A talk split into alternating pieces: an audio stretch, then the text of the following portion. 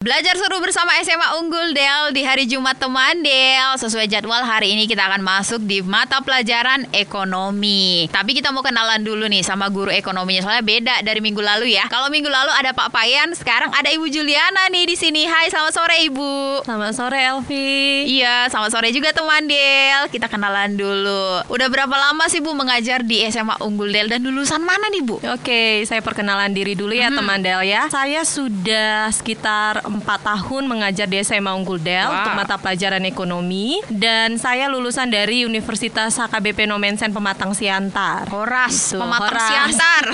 Kali aja ada teman alumni pasti banyak nih. Pasti banyak Elvi. Oke, udah cukup kenalannya teman Del nanti di mata pelajaran ekonomi di topik kelangkaan baru kenalan sama ilmunya tapi ya. Oke, nah kalau minggu lalu kita udah belajar tentang ekonomi itu adalah ilmu untuk memenuhi kebutuhan dengan alat pemuas kebutuhan yang terbatas. Dan kemarin sempat disinggung sama Pak Payan ada masalah yang timbul dari proses pemenuhan kebutuhan itu. Salah satunya ada kelangkaan ya Bu ya. Iya benar. Oke, dan apa sih itu kelangkaan Bu? Lebih jelas lagi ke teman Del. Oke, ya biar saya jelaskan ya. Kaitannya Mhm. ini sangat berkaitan materinya ini dengan materi yang minggu lalu yang disampaikan oleh Pak Payan. Iya. Kalau Ibu boleh jelaskan ya, kelangkaan itu adalah suatu kondisi ketidakseimbangan antara sumber daya yang bersifat terbatas dengan kebutuhan manusia yang tidak terbatas atau alat pemuas kebutuhan yang sangat-sangat terbatas. Iya. Arti terbatas ini ada dua, ini Elvi. Yang pertama terbatas artinya tidak cukup dibandingkan dengan kebutuhan manusia yang sangat banyak yang sangat tidak terbatas Mhm. dan bisa juga terbatas ini dalam artian diperlukan pengorbanan yang lebih untuk mendapatkan barang atau jasa tersebut begitu. Oke, jadi ada dua pengertian di situ untuk kelangkaan gitu ya. Iya, benar. Oke, semakin menarik nih perbincangan kita. Tapi ini awalnya kita nggak usah yang berat-berat dulu. Kita kenalan artinya dulu ya. Silakan dicatat tadi apa itu kelangkaan dari Ibu Juliana. Nah, saatnya kita belajar tentang faktor-faktor penyebab kelangkaan. Apa aja sih penyebabnya itu, Bu? Oke, biar saya jelaskan. Terima kasih Elvi. Buat teman Del, ada banyak sebenarnya yang menyebabkan kelangkaan ya di dunia ini. Tetapi yang ya yang ibu ambil yang paling umum, yang pertama itu ada pertumbuhan penduduk atau pertumbuhan masyarakat di dunia ini. Kalau bisa kita kaitkan dengan jumlah penduduk di dunia ini, yang pertama negara yang paling banyak penduduknya itu yaitu Tiongkok. Yang kedua itu India. Kalau Ya. yang ketiga itu Amerika Serikat dan yang keempat itu Indonesia. Nah, kita ambil contoh negara kita sendiri. Sebenarnya yang terjadi di Indonesia ini kelangkaan apa yang disebabkan oleh pertumbuhan penduduknya yang sangat pesat?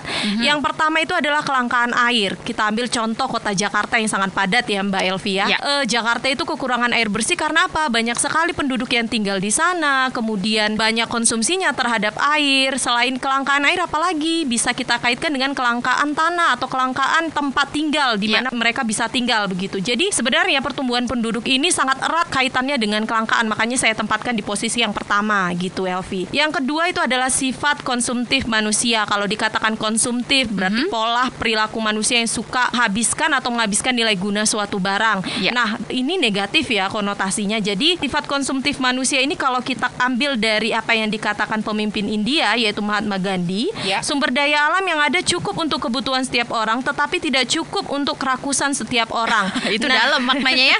Iya, kenapa saya ambil kalimat dari Muhammad Gandhi ini? Karena ini mencerminkan sikap dan pola perilaku konsumtif manusia saat ini. Contoh aktualnya aja deh kita ambil ya. Aha. Semakin langka keberadaan seafood seperti kepiting, lobster dan lain-lain akibat adanya eksploitasi. Nah, eksploitasi itu terjadi karena apa? Karena sifat konsumtif manusia yang tidak pernah puas terhadap konsumsi barang-barang ini gitu loh. Nah, kalau yang ketiga saya jelaskan yaitu keterbatasan produksi. Ya. Produksi ini erat kaitannya dengan mengkombinasikan faktor produksi untuk menciptakan atau menambah nilai guna barang. Nah, kalau menciptakan atau menambah nilai guna barang berarti ini erat kaitannya dengan teknologi. Makanya biasanya ini kelangkaan ini terjadi kalau negara itu tidak siap atau tidak upgrade teknologinya seperti negara-negara berkembang atau negara-negara terbelakang. Iya. Nah, contoh kalau di Indonesia itu apa kelangkaan yang terjadi? Ya, bisa kita lihat pada masa pandemi COVID-19 ini kelangkaan alat-alat medis, alat-alat lab, IT ya, itu yang terjadi di Indonesia saat ini. Ya. Kalau yang keempat itu bisa kita ambil faktor penyebab kelangkaan yaitu bencana alam. Ini lumrah ya. Kenapa? Karena kalau terjadi bencana alam Mhm. otomatis bisa memporak-porandakan segala kegiatan ekonomi yang terjadi di daerah di mana bencana alam itu terjadi. Ya. Kita bisa ambil contoh Aceh yang saat itu diterjang tsunami. Kelangkaan apa yang terjadi di situ? Bisa kelangkaan pangan, kelangkaan pakaian dan segala macamnya itu banyak ya. Elvi bisa Ya. dibaca di internet ataupun di, di berita-berita ya, teman Del. Kemudian yang terakhir, ini saya ambil yang terakhir yaitu letak geografis. Iya. Kalau bicara tentang letak geografis sebenarnya ini ranah geografi, tetapi saya deskripsikan secara singkat sebenarnya letak geografis Indonesia itu bagaimana sih? Letak geografis itu apa sih? Kalau letak geografis itu adalah letak negara atau daerah itu mm -hmm. jika dilihat dari bola bumi di mana kita terletak. Kalau Indonesia kan terletak di antara benua Asia dan benua Australia yeah. dan juga di antara Samudra Pasifik dan India. Ini menyebabkan Indonesia itu sangat kaya akan alamnya, flora dan faunanya sehingga yeah. kalau bicara kelangkaan, negara kita itu termasuk negara yang memang kaya akan sumber daya alamnya tetapi mm -hmm. tidak tahu memanfaatkannya sehingga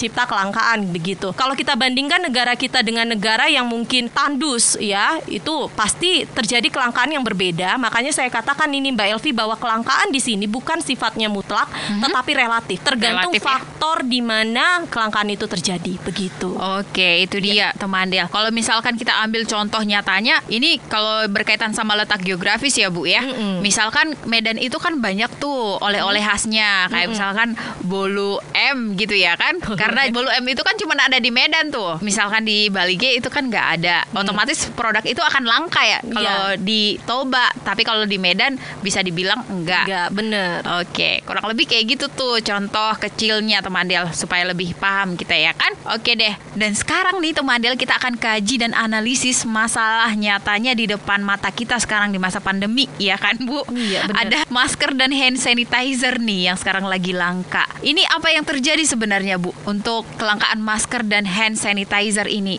Penyebab dan mungkin solusi ya? Oke. Okay. Ya, terima kasih Elvi biar saya jelaskan ya. Kalau masa pandemi COVID-19 ini kan salah satu pencegahan ataupun supaya kita tidak tertular mm-hmm. itu harus kita pakai masker nih, kemudian sering-sering cuci tangan, pakai hand sanitizer. Nah, hal-hal yang seperti itu mm-hmm. itu menyebabkan tingginya permintaan terhadap masker dan hand sanitizer. Yeah. Nah, tingginya permintaan itu tidak dibarengi dengan penawaran yang ada mm-hmm. dari produsen sehingga hal itu menyebabkan atau menjadi faktor faktor penyebab kelangkaan. Nah, permintaan yang tinggi tidak dibarengi dengan penawaran yang tinggi pula menyebabkan selain langka harga tersebut juga semakin mahal harga hmm. akan masker dan hand sanitizer tersebut. Nah, itulah salah satu penyebab mengapa hand sanitizer dan masker menjadi langka. Selain itu kalau bisa saya jelaskan ya Elvia, ya. ada juga nih orang-orang nakal yang bisa saya katakan ya yang menimbun ataupun menyimpan stok ya. masker dan hand sanitizer demi kepentingan pribadi. Nah, hal-hal inilah yang menyebabkan kelangkaan kalau bisa saya analisis ya. Iya. Iya, itu kemarin sampai viral ya, Bener. sampai masuk TV lagi itu. Iya. Ada yang uh, nyetok masker padahal ada orang yang lagi nyari-nyari dan harganya itu tinggi sekali kemarin. Iya, benar sampai ratusan ribu ya kalau uh -huh. dari harga normalnya sensi ya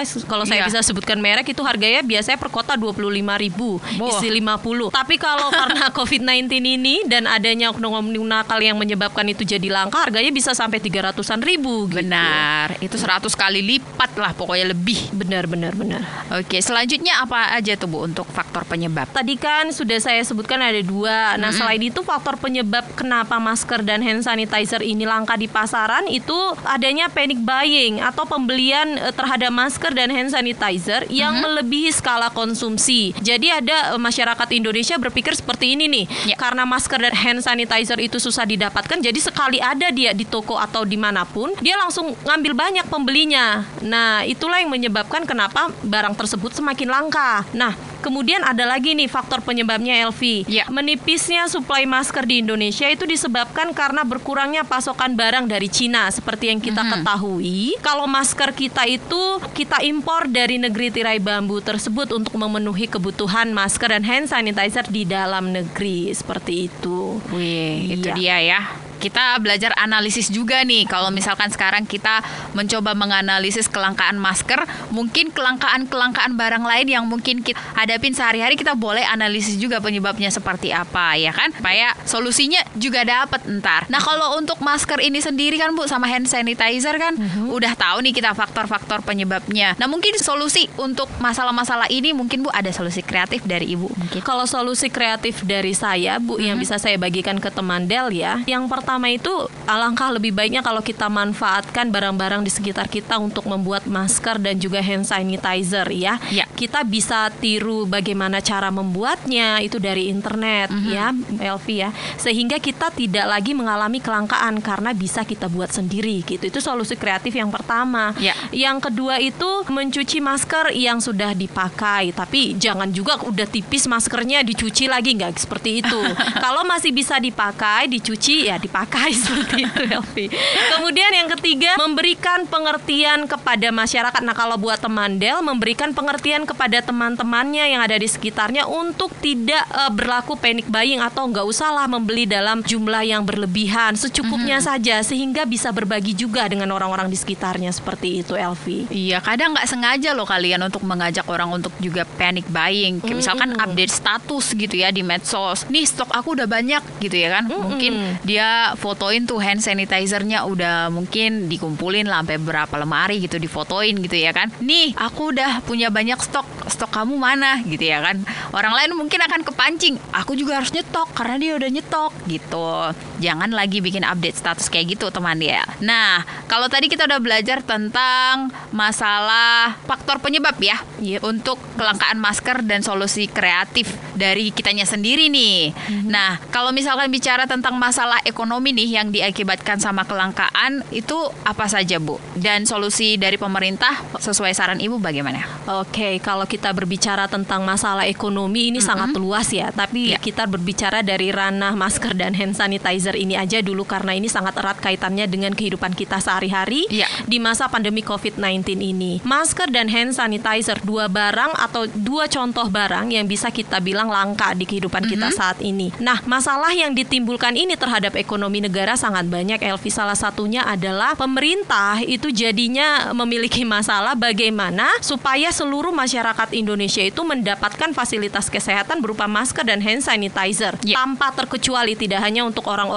yang memang memiliki duit saja tetapi buat seluruh masyarakat Indonesia. Mm-hmm. Nah, bagaimana pemerintah mengatasi masalah ekonomi ini terhadap dua barang ini itu pemerintah seharusnya memberikan solusi yang kalau bisa saya katakan solusinya seperti ini. Melaksanakan operasi pasar sih. Kalau pasar. iya, kalau teman Del yang memang suka belajar ekonomi pasti tahu apa makna dari operasi pasar. Jadi pemerintah melalui staf dan pegawainya yang mm-hmm. baik yang ada di pusat maupun di daerah bisa mengecek ketersediaan masker dan hand sanitizer dari produsen maupun di toko-toko ya. sehingga tidak terjadi penimbunan. Ya karena memang tidak kita pungkiri masih banyak oknum-oknum nakal yang sampai sekarang masih mementingkan kepentingan pribadi. Nah, operasi pasar ini digalakkan atau dilakukan pemerintah supaya tidak terjadi penimbunan dan masker dan hand sanitizer harganya jadi stabil seperti iya. itu. Itu sih salah satu solusi yang bisa dilaksanakan pemerintah. Operasi pasar ya. Benar. Menarik sekali. Tapi kemarin Elvi sempat tahu ini nggak tahu nih berlaku di Toba atau enggak ya. Jadi setiap perangkat desa itu diarahkan untuk membentuk BUMDes. Jadi BUMDes itu akan menciptakan hand sanitizer sendiri, mm-hmm. terus mereka jual. Yep.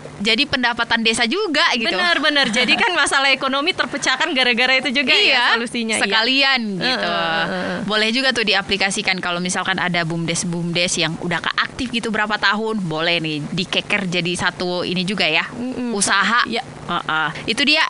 Nah, teman Del, kita udah belajar tentang kelangkaan hari ini bersama dengan Ibu Juliana Nababan. Kalau teman Del punya pertanyaan, mungkin ngajak Ibu Juliana untuk menganalisis kelangkaan kebutuhan kamu misalkan boleh juga kamu boleh WhatsApp di 0811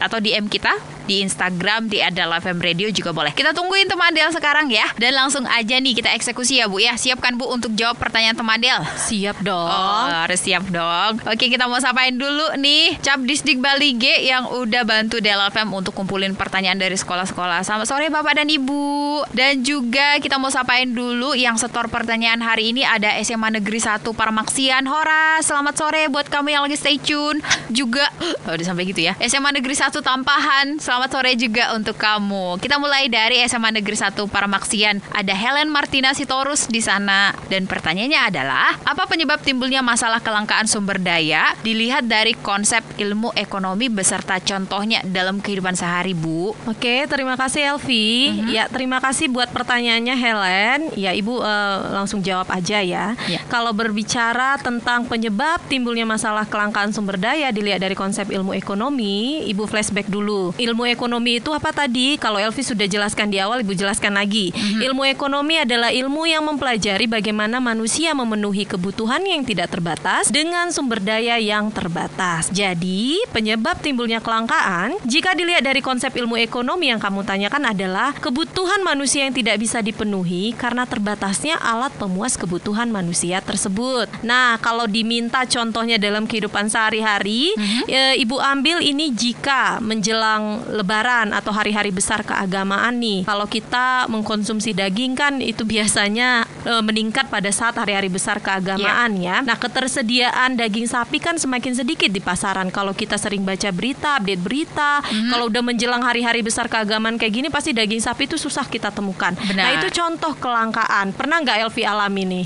Pernah, Bu. udah langka, mahal lagi harganya. Iya, bener. Nah, itu apa yang menyebabkannya? Yaitu tadi ke pembelajaran di awal bahwa karena permintaan daging sapinya sangat tinggi sementara uh-huh. penawarannya atau alat pemuas kebutuhannya terbatas atau sedikit sehingga terjadilah kelangkaan tersebut. Itu sih contoh konkretnya dalam kehidupan sehari-hari ya gitu okay. Elvi. Itu dia udah terjawab ya pertanyaan kamu dan sekarang kita lanjut ke SMA Negeri 1 Tampahan. Ada Irma Tambunan di sana yang udah kirim pertanyaan juga. Selamat sore Irma. Pertanyaannya adalah kelangkaan kedelai di Indonesia berdampak nih pada usaha perajin tahu dan tempe. Para perajin semakin sulit mempertahankan kelangsungan usahanya. Pertanyaannya adalah, apa penyebab kelangkaan kedelai di Indonesia dan apa saja kebijakan yang diambil pemerintah untuk mengatasi kelangkaan kedelai tersebut? Ini berupa saran kayaknya karena kita bukan dari pihak pemerintah. oh iya iya, iya, iya saran lah ya mungkin ya Bu ya. Iya iya benar. Uh, terima kasih buat pertanyaannya Irma. Ya pertanyaannya ini hot sih ya kalau bisa hmm. saya katakan. Mungkin dia ini karena terjadi dalam kehidupan sehari-harinya kayaknya Irma ini punya usaha ya, atau suka makan tahu dan tempe yang notabene yeah. itu dibuat dari kacang kedelai ya karena memang kita ketahui kacang kedelai itu kan sumber protein yang sangat bagus ya mm -hmm. buat tubuh kita jadi kalau berbicara tentang kelangkaan kedelai di Indonesia Elvi ini yeah. sudah sangat lama ya terjadi kalau kita bisa lihat berita itu terjadi dari tahun berapa ya yang paling sering itu terjadi di tahun 2000-an sampai 2015-an mm -hmm. nah kenapa ini terjadi ini terjadi karena petani-petani di Indonesia itu lebih suka untuk mengembangkan lahannya atau menghasilkan padi atau jagung atau komoditas lain selain kacang kedelai. Kenapa? Hmm. Karena bagi mereka itu lebih menguntungkan daripada memproduksi kacang kedelai atau menanam kacang kedelai. Nah, itulah hmm. yang menjadi faktor penyebab kelangkaan kacang kedelai di Indonesia itu satu. Ya. Yang kedua, kenapa terjadi kelangkaan? Yang kedua itu karena para petani atau perajin tahu dan tempe itu lebih suka memakai atau membuat tahu dan tempe dari kacang kedelai impor. Benar. Bukan lokal sehingga terjadi kelangkaan karena kalau kita tidak bisa mengimpor mm -hmm. ya terjadi kelangkaan tahu dan tempe dong. Iya kan? Karena iya. perajinnya lebih suka memakai yang impor, kacang kedelai impor seperti itu. Setuju gitu. sekali nih sama statement Ibu tadi yang hmm. bilang kalau perajin tahu dan tempe itu lebih memilih kedelai impor lebih murah karena Bener. memang Elvi pernah liputan juga kan okay, ke uh. pengusaha tahu dan tempe mm -mm. mereka itu memang selalu mencari yang impor bukannya kita menjelek-jelekan produk lokal atau Bener. apa mm -hmm. tapi kenyataannya mereka bilang kalau kedelai impor itu lebih murah dan lebih bagus yep. tidak tahu kesalahannya di mana ya kan mungkin tadi kelangkaan terjadi karena petani Indonesia nggak mau nanam ngapain nanam kalau misalkan harga padi itu jauh lebih tinggi daripada kedelai gitu iya. cuman bisa saya ralat sedikit ya Elvia kalau hmm. untuk sekarang kualitas kacang kedelai Indonesia itu sudah lebih baik daripada kualitas kacang kedelai impor. Okay. Ya karena sudah terjadi perubahan-perubahan hmm. yang dilakukan oleh kebijakan pemerintah terhadap proses impor dan ekspor kacang kedelai ini sehingga terjadi perbaikan terhadap uh, produksi kacang kedelai sehingga lebih berkualitas lagi gitu. Nah, itu jadi solusi juga gitu benar, ya. Benar, benar. Kalau misalkan kedelai uh, lokal ataupun dari petani Indonesia itu sudah bagus, ya itu jadi solusi juga untuk kelangkaan itu nantinya jadi lebih memilih untuk kedelai Tau. lokal. Ya.